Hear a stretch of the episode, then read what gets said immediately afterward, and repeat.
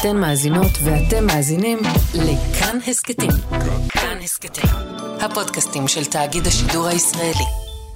היי, אני שאול אמסטרדמסקי ואתם על עוד כיסון מבית חיות כיס. תארו לעצמכם שאתם קמים בבוקר ומגלים שהבנק הקפיא את החשבון שלכם. אתם לא יכולים להיכנס אליו, לא יכולים למשוך כסף, לא יכולים להעביר כסף, לשלם, אפילו לא לקבל משכורת. כלום. החשבון שלכם קפוא לחלוטין. וזה לא קרה כי מישהו עיכל את החשבון שלכם כי נגיד היה לכם חוב. זה קרה כי הממשל האמריקאי, אלפי קילומטרים מהצד השני של הים, החליט שאתם ברשימה השחורה שלו. בנק לאומי מודיע היום לאחד מארבעת הישראלים שעליהם אה, הוטלו הסנקציות אה, האמריקניות, ששני החשבונות שלו בבנק אה, מוקפאים, גם החשבון האישי שלו וגם החשבון העסקי שלו. הצעד הזה של האמריקאים בתחילת פברואר היה רק הסנונית הראשונה, כך התברר בדיעבד.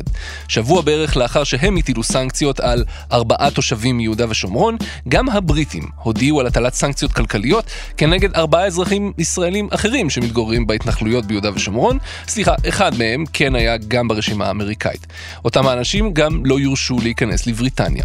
ימים ספורים לאחר מכן, צרפת הודיעה כי תאסור כניסה לשטחה על 28 מתנחלים, אם כי היא לא פירטה את השמות שלהם. התגובה האוטומטית של הבנקים הישראלים שבהם לאנשים האלה יש חשבונות, הייתה לחסום אותם. בחלקם אפילו להקפיא לחלוטין. זה קרה בבנק לאומי, וגם בבנק הפועלים, ואפילו בבנק הדואר. וזה לכשעצמו גרר תגובות חריפות, גם מצד שר האוצר בצלאל סמוטריץ', וגם מצד שר התקשורת דוקטור שלמה קרעי, שלא יקום ולא יהיה, אבל בינתיים הדבר קם ונהיה. אותם ארבעה מתנחלים שנוספו לרשימת הסנקציות האמריקאית לא יכולים לגשת לחשבון הבנק שלהם. הם צריכים להסתמך על סיוע מהקהילה שלהם. ואין שום סיכוי שהבנקים הישראלים ישנו את דעתם, כי גם הם מפחדים להיפגע. ואם זה נשמע לכם מפחיד, אולי אפילו דרקוני, ואם זה מרגיז אתכם ואתם תוהים איך זה בכלל יכול להיות, הכיסון הזה הוא בדיוק בשבילכם. מה הן בכלל הסנקציות האלה? באיזה סמכות ארצות הברית יכולה להטיל אותן? האם הבנקים הישראלים יכולים לעשות משהו אחר, או שהם חייבים לחסום את החשבונות של מי שנכנסו לרשימה השחורה של האמריקאים? ומה עלולות להיות המשמעויות בהמשך?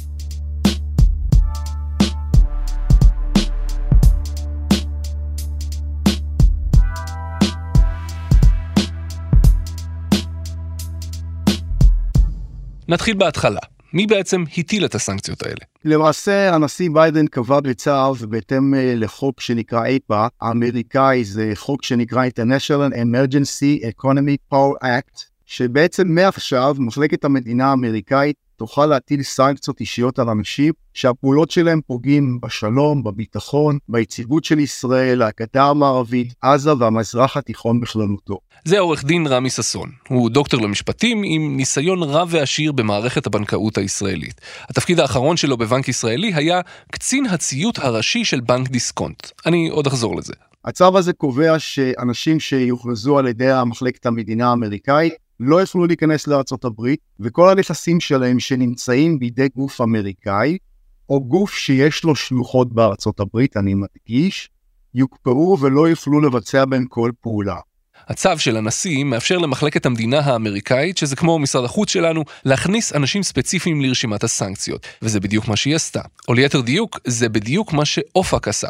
Office of Foreign Assets Control, שהוא הזרוע של משרד האוצר האמריקאי לענייני סנקציות בינלאומיות. זה גוף שקם עוד ב-1950, אחרי תום מלחמת העולם השנייה, בשביל להילחם כלכלית במי שמפרים את האינטרסים האמריקאים ברחבי תבל. ב-1 בפברואר הוא צירף את שמותיהם של ארבעה מתנחלים ישראלים לרשימה, וזה כבר חתיכת דבר. המשמעות הנגזרת של צירוף לרשימה השחורה של האמריקאים היא לא רק שאתם לא יכולים עכשיו להיכנס לארצות הברית או לא יכולים להחזיק בכסף, אלא שגם חשבון הבנק המקומי שלכם כאן בישראל ייכנס להקפאה. כי להיות ברשימה הזו זה כמו להיות ברשימת מצורעים, שכולם מנסים לתפוס מהם מרחק. מהרגע שאתם שם, הבנקים הישראלים לא יהיו מוכנים לקחת על עצמם את הסיכון של לתת לכם שירות. וזה בהחלט משהו שיכול להרוס אנשים מבחינה כלכלית. אדם יכול להגיע לפת לחם. זה עורך דין משה כהן. הוא מתמחה בסנקציות בינלאומיות, ובשנים האחרונות הוא ייצג ישראלי שנכלל ברשימה השחורה. תהליך מול אופק הוא תהליך של אה, חודשים, לפעמים אה, שנים, כדי להימחק מהרשימה השחורה, ובכל הזמן הזה הבנקים לא אישרו לשום טינה אה, ותחנון, יגידו לו מצטערים, החשבון שלך מושעה או סגור, בעיה מאוד רצינית. בשביל להבין מדוע ארצות הברית החליטה על מהלך כל כך דרקוני, צריך פשוט לקרוא את הצו הנשיאותי. וזה בדיוק מה שעשתה עורך דין יעל גרוסמן, שגם היא מתמחה בין היתר בסנקציות בינלאומיות. צו אומר מי שמפר את שלום האזור, הוא בעצם מסכן את האינטרסים של ארצות הברית באזור הזה. אגב, אם תרצו לקרוא את הצו בעצמכם, אתם יכולים. הוא זמין באתר של אופק. ארבעה עמודים בפונט קטן וצפוף שחתומים בידי הנשיא. אם תתעמקו באתר האינטרנט של אופק באופן כללי, תוכלו למצוא שם גם גורמים ואנשים נוספים שנמצאים ברשימה השחורה של האמריקאים. יש שם ארגוני טרור איראנים ותימנים, אוליגרכים מבלארוס, גופים מקובה, מאתיופיה, מלא כאלה. בדרך כלל הרשימה מאוכלסת בשמות של אנשים שלא אתה ולא אני היינו רוצים לפגוש אותם. כל מיני טרוריסטים ופושעים, ו... וכשאדם אה, מן היישוב מוצא את עצמו פתאום אה, בחברה המפוקפקת הזאת, ונאלץ להתמודד, זה דורש הפעלת אה, צוות משפטי גם בארץ, גם בארצות הברית, עבודה מאוד מאוד מאומצת ומאוד מאוד אה, יקרה. לפי עורכת הדין גרוסמן, עם כל כמה שהסנקציות הן כלי מאוד בעייתי, יש להן גם צד יפה, כך כלשונה.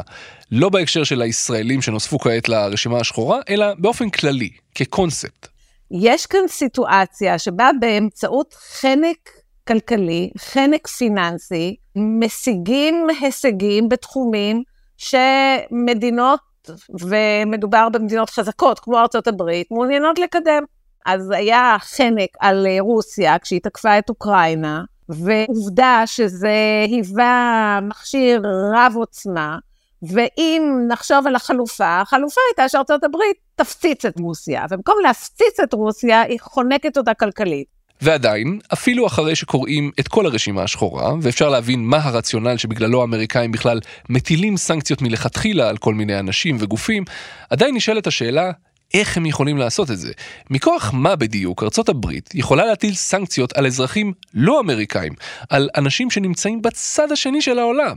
אם אלה היו אמריקאים שפוגעים בביטחון ארצות הברית, אז היינו מבינים את זה באופן אינטואיטיבי, לא הייתה פה בכלל שאלה. אבל אלה לא אזרחים אמריקאים, אז מה הקטע? אז הקטע הוא שמדובר בארצות הברית, אחת משתי המעצמות הגדולות בעולם שטוענת להגמוניה עולמית. היא תופסת מעצמה שוטר הכפר הגלובלי, ולכן מבחינתה אם מישהו מנסה לעשות בלאגן עולמי, היא תפעל נגדו, וזה לא משנה אם הוא אמריקאי או לא. ומאחר שיש לה עוצמה מספיק גדולה ביד, היא יודעת שרוב העולם המערבי יציית, כי המערב מעדיף להיות בצד של ארצות הברית, זה גם עובד לה. אימפריאליזם מודרני לגמרי. ארצות הברית יש לה חוקים שמאפשרים לה להעמיד לדין אזרחים, תושבים של מדינות אחרות, כאשר הם אה, פוגעים באינטרסים מסוימים שהיא מחליטה שהיא לא רוצה שייפגעו. אמרנו קודם את הנושא של השחיתות הוא הדוגמה הכי טובה. אם מישהו נותן שוחד לממשלת וונדה, אוגנדה, קונגו, מדינה כלשהי באפריקה, הוא, כמו שאתה אומר, לא מעלה בדעתו שיום אחד בארצות הברית, הנשיא או אופק בעקבות הנשיא, יכריזו שלכל אמריקאי אסור לגעת בכסף שלו, הוא אסור לו לסחור בדולרים, אסור לו להיכנס לארצות הברית, וכל הנכסים שלו בארצות הברית מוקפאים. זה החוק, ככה קובע החוק אמריקאי. זה צורת החשיבה שלהם.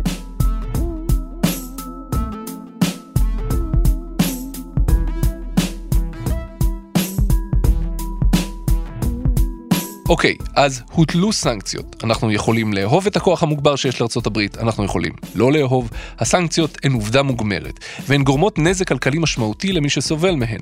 הקפאת וחסימת חשבונות הבנק שלכם כאן בישראל יכולה להיות כמעט גזר דין מוות למי שאין לו מעגלי תמיכה פיננסיים משמעותיים של משפחה או של חברים. אבל כל זה נובע לא מהסנקציות עצמן. הסנקציות עצמן רק מונעות מאנשים שברשימה לעשות עסקים בארצות הברית, להיכנס אליה, להחזיק בכסף, כאלה. מה שבאמת חונק את האנשים ברשימה השחורה מבחינה כלכלית, היא התגובה של הבנקים המקומיים, ובמקרה שלנו, הבנקים פה בישראל, שהקפיאו את החשבונות של הלקוחות שלהם שנמצאים ברשימה השחורה זמן קצר אחרי שפורסמה. וכאן נשאלת השאלה, למה? למה הבנקים הישראלים עשו את זה באופן כל כך אוטומטי? והתשובה היא, כי בפועל כמעט שאין להם ברירה. אי ציות תחתי סנקציות בינלאומית זה עלול לחשוף את המפירים לעיצומים אה, מאוד אה, כבדים, משמעותיים. זה שוב עורך דין רמי ששון. זוכרים שאמרתי לכם בהתחלה שתפקידו האחרון בבנק היה להיות קצין ציות? אז קצין ציות זה מי שעומד בראש מחלקה שלמה של אנשים, שכל התפקיד שלהם הוא לסרוק כל הזמן, אבל כל הזמן, את כל הרגולציה, גם הישראלית וגם הגלובלית, ולהציג בפני הנהלת הבנק את הסיכונים המשפטיים השונים שנובעים מהרגולציה הזו, ולוודא כל הזמן שהבנק משחק רק בגבולות הגזרה שמותרים לו, ולא לוקח סיכונים מיותרים שעלולים להיגמר רע. בתור קצין ציות, ובתור מי שעומד היום בראש האגודה הישראלית לציות, כן, יש דבר כזה, עורך דין רמי ששון היה מאוד בהיר. לבנקים הישראלים אין שום ברירה אלא לציית. הם לא יכולים לקחת על עצמם סיכונים כאלה בשום צורה. איזה סיכונים? כאלה סיכונים. גם קבלת קנסות ישירות על uh, אותם uh, גופים פיננסיים, גם מגבלה לנגישות למערכת הפיננסית העולמית. זאת אומרת, כל uh, הפניה במערכת הפיננסית יכולה להיות לה משמעות, יכולה להיחסם, יכולה לוקפה הפעילות עצמם, קושי בנגישות המכרזים בינלאומיים שקשורים למדינות שונות, חוסר נגישות לשיתופי פעולה עם גופים גלובליים, וגם יכול uh, הבנק למצוא את עצמו פתאום רשום ברשימת המוכרזים, שזה דבר uh, יותר חמור. כמו שנעשה כנגד בנקים אה, רוסיים במסגרת הסנקציות כנגד רוסיה. אז המשמעות של זה יכולה להיות מאוד רחבה אה, עבור המערכת הבנקאית, עבור המערכת הפיננסית, על כל הגופים שלא אוכפים את משטר הסנקציות. נפרק את זה שנייה.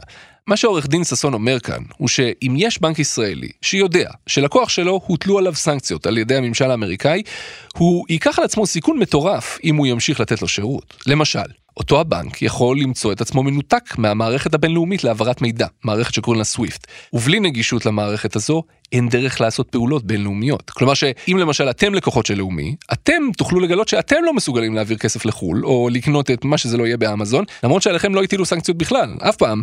פשוט לאומי נותק מהמערכת, כי הוא המשיך לתת שירות ללקוח אחר שלו, שכן נמצא ברשימה. או למשל, אותו בנק מסתכן בקנס כספי כבד מאמריקאים, וחלק מהבנקים שלנו כבר חטפו קנסות מאמריקאים על נושאים אחרים, קנסות של מיליארדים, ולא בא להם את זה שוב. או שזה עלול לפגוע להם במוניטין, ולא ירצו לעשות איתם עסקים. או שבנקים זרים לא יהיו מוכנים לבצע עבורם העברות כספים בינלאומיות. בקיצור, הבנקים הישראלים יודעים שאם הם ימשיכו לתת שירותים למי שנמצא ברשימה השחורה, הם עצמם יהפכו למצורעים, ומתישהו עלולים בעצמם להיכנס לרשימה השחורה. זה לא סיכון שהם מוכנים לקחת על עצמם, כי זה סיכון הרסני לגמרי, יהיה על גבול הבלתי אפשרי להשתקם ממנו. ובדיוק בגלל גובה הסיכון, אלה לא רק הבנקים, זה גם הרגולטור, הפיקוח על הבנקים בבנק ישראל שעומד מאחוריהם. אחרי שהסנקציות האחרונות הוטלו והחלה ביקורת ציבורית מהימין, מדוע הבנקים ממהרים להקפיא את החשבונות, הפיקוח על הבנקים מיהר להוציא הודעת הבהרה שהוא מצפה מהבנקים לנהוג בדיוק ככה.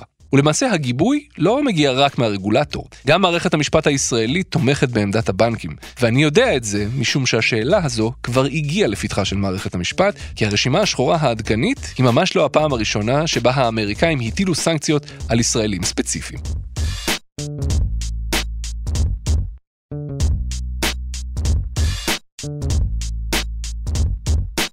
ב-14 בדצמבר 2018, אלוף במילואים ישראל זיו, זה שמתחילת המלחמה אתם רואים די הרבה באולפן חדשות 12, התעורר וגילה שהוא נמצא ברשימת הסנקציות של האמריקאים. הם טענו שפרויקט שהוא ניהל בדרום סודאן, בתחום החקלאות, היה בעצם מסווה לעסקאות נשק לא חוקיות. אחרי הטלת הסנקציות, בנק לאומי חסם את הגישה לחשבון שלו לחלוטין. זיו לקח עורכי דין, ביניהם את עורך דין כהן ששמענו קודם, והם עתרו לבית המשפט, לבית המשפט המחוזי, ומשם לעליון. אבל בתי המשפט, בזה אחר זה, דחו את העתירה שלהם, ופסקו שהבנק לגמרי רשאי לעשות את זה. הנה שוב עורך דין כהן.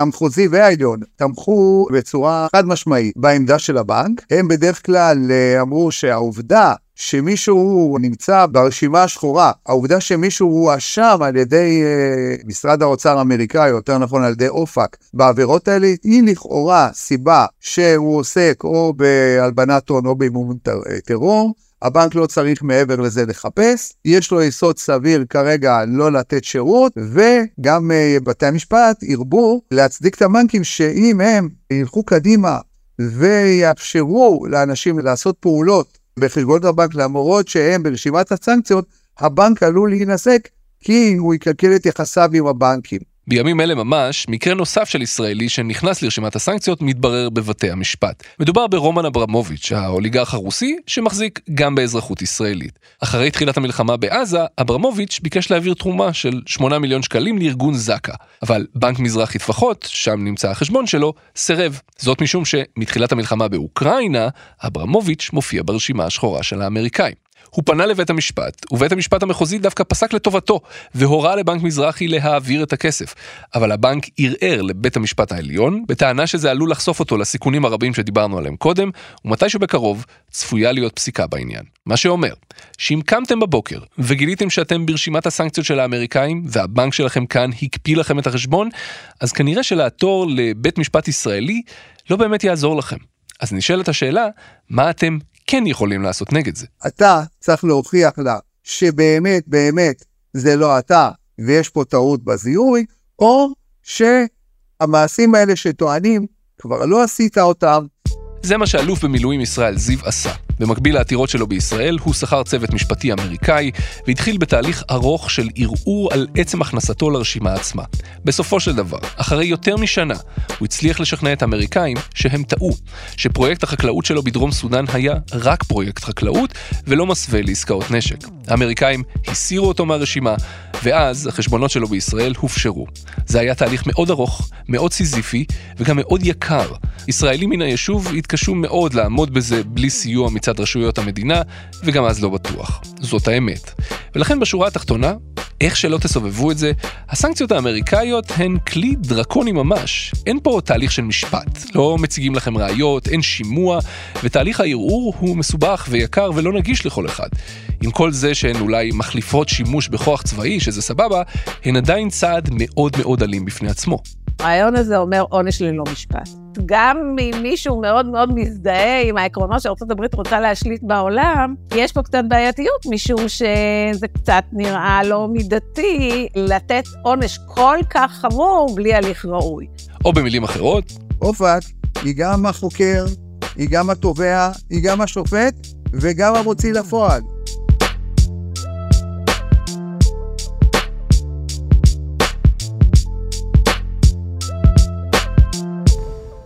אם זה היה סוף הסיפור, אז היינו מסיימים את הפרק הזה כאן. אבל קיים חשש שזה לא סוף הסיפור. מדברים על סנקציות שיכולים להגיע גם נגד חברי כנסת, גם נגד אה, ראשי אה, רשויות אה, בגדה, וגם כמובן נגד שרים. הדבר הזה יכול להתרחב לכל כך הרבה אנשים, גם נגד ארגונים, וכל ארגון, כל בנק שלא ישתף פעולה עם הצו הזה, גם הוא עלול למצוא את עצמו בבעיות. כאב ראש מאוד מאוד גדול מבחינת אה, ישראל, וכפי שאמרנו, זה יכול להגיע לחיילים, לקצינים, אפילו לחברי כנסת ושרים. לפי הידיעה של הכתב המדיני שלנו, סולימאן מסוודה, האמריקאים נתנו לפרקליטות הצבאית 60 יום לתת לה תשובות לגבי חיילים ומפקדים בצה"ל שמשרתים ביהודה ושומרון, שהיא מתלבטת אם לצרף גם אותם לרשימת הסנקציות. זו ידיעה מטלטלת בעיניי שעברה טיפונת מתחת לרדאר. אני לא יודע מה יקרה בסופו של התהליך הזה. עורכת הדין גרוסמן אגב חושבת שהסיכוי שהאמריקאים יטילו בסוף סנקציות על חיילים ומפקדים בצה"ל הוא קלוש. אבל, אפילו אם זה לא יקרה, יש צעדים נוספים שנבחנים. דובר הבית הלבן אומנם הכחיש זאת באופן רשמי, אבל דיווחים מאחורי הקלעים טוענים שהאמריקאים שוקלים אם להרחיב את הסנקציות גם לשרים מכהנים בממשלה, כמו איתמר בן גביר או בצלאל סמוטריץ'. האופן שבו הם כתבו את הצו שלהם לגמרי מאפשר להם לעשות את זה, וזה יכול עוד להחמיר בהמשך. הם יכולים להחליט לצרף לרשימה השחורה עמותות, שלדעתם מאיימות על האיזון העדין במזרח התיכון. הם יכולים אפילו להרחיב את הסנקציות לרשויות מקומיות ישראליות, נניח למועצות אזוריות ביהודה ושומרון, אם לתפיסתם הן מממנות פעילות של עמותות שמאיימות על האיזון העדין במזרח התיכון.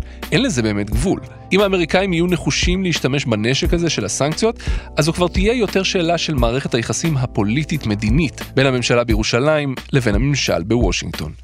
אבל זו גם שאלה של איך הממשלה תגיב על אותן סנקציות ברמה הפנימית. נניח אם הממשלה תחליט לקדם חקיקה שתחייב את הבנקים הישראלים להתעלם מהסנקציות, כמו שקרה ברוסיה למשל, אז אנחנו עלולים למצוא את עצמנו בבעיה כלכלית כבדה מאוד.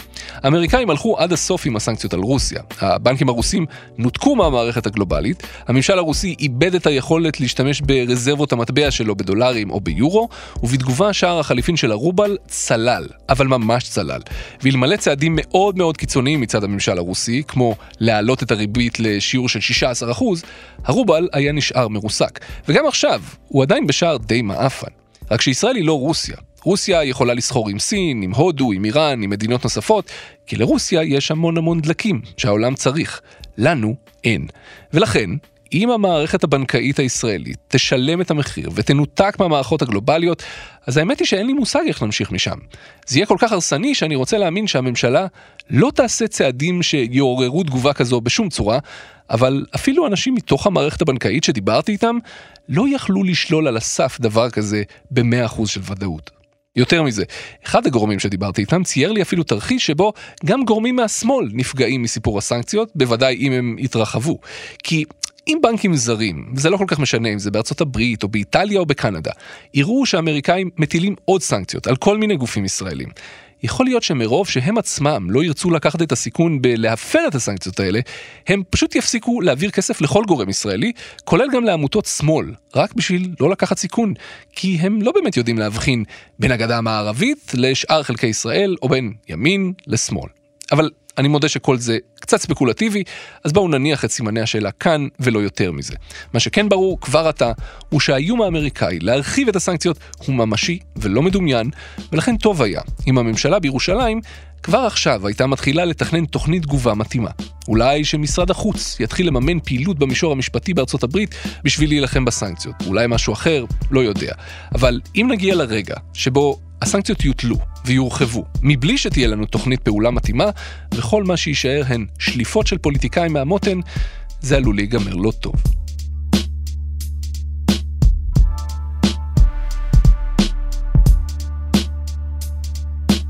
אתם האזנתם לעוד כיסון מבית חיות כיס. עורך חיות כיס הוא תומר מיכלזון, המפיקה שלנו היא ליהי צדוק, עורכת הסאונד היא רותם דויטשר. במערכת חיות כיס תמצאו גם את אלונה מיצי ואת צליל אברהם, אני שאול אמסטרדמסקי, תודה רבה שהאזנתם.